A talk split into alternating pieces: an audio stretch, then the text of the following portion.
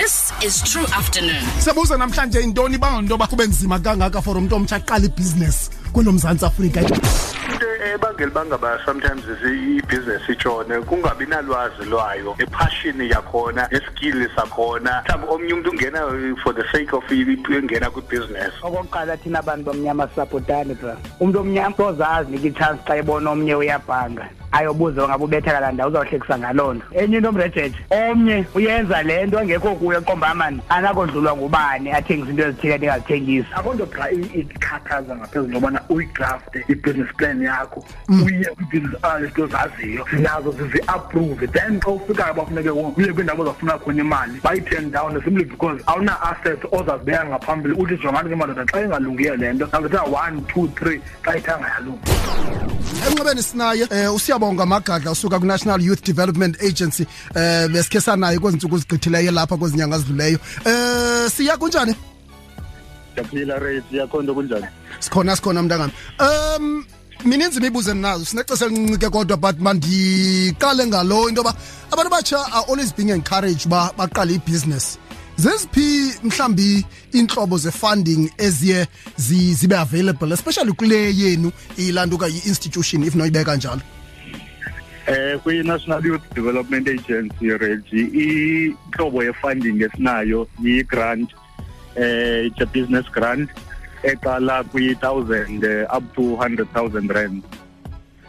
uh, that's the only nature of funding for ii-businesses esinazo but ke ayiphelelanga apho in terms of i-support esiba naso eh towards ukuncedisana noosomashishini abasakhulayo eh sinayo i-mentorship esithi sibancedise ngayo abo basaqalayo ukwenzela uba noko bancediswe ngoosomashishini asele be-established um ukwenzela uba noko bangabetheki kakhulu ekuraneni amashishini abo sinayo neprogram esibiza nge-business consultancy voucher program leyo yeyoosomashishini abafuna ukwenza i-branding um marketing yamashishini abo um business plans financial management ne-due diligence Mm, mm-hmm.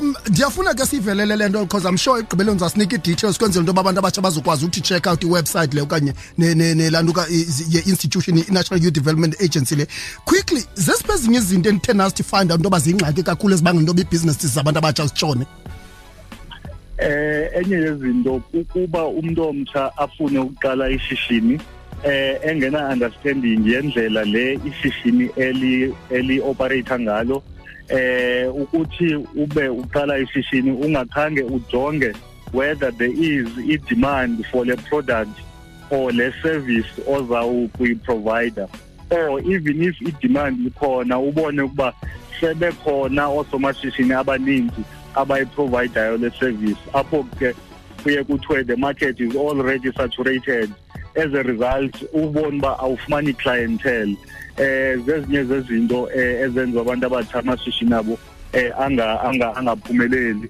ngamanye amaxesha uthi so ukwibusiness ubone le madlanyana ingenayo ufuna ukukhawulezisa uyisebenzise kwezinye izinto eh without considering or without trying ukwenza sure that i-business yakho is sustainable now that is why abantu abatsha bathi xa beaplayela i-funding be-n y d a siqale siba-assese ukuba bakwesiphi na istage do they understand ukuba ishishini liqalwa kanjani siye sibaqaleke kwi-five day course esiyibiza ukuba yi-enterprise development training ukuncedisana nabo kwii-aspects ezi-different zokurana ishishini mm, mm-hmm. um enkosi kakhulu um siya quickly before si, si, si siye ezindabeni mhlawumbi iwebsite okanye mhlawumbi um that abantu can check out okanye koofacebook njalo njalo ukwenzela uba mhlawumbi umntu ohlele ekhaya ngoku nocinga ukuqala ishishini aqhagamshelane ngayo nani ndiqinisekile lungandenza ulwazi anokwazi olufumana kuni The website is nyda.gov.za.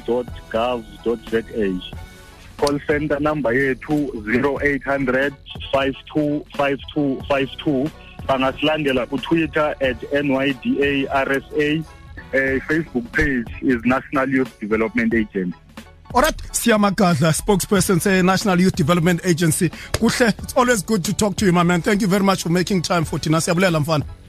Mbulela Rich. Sure, man. True afternoon, Monday to Friday, 3 to 6 p.m.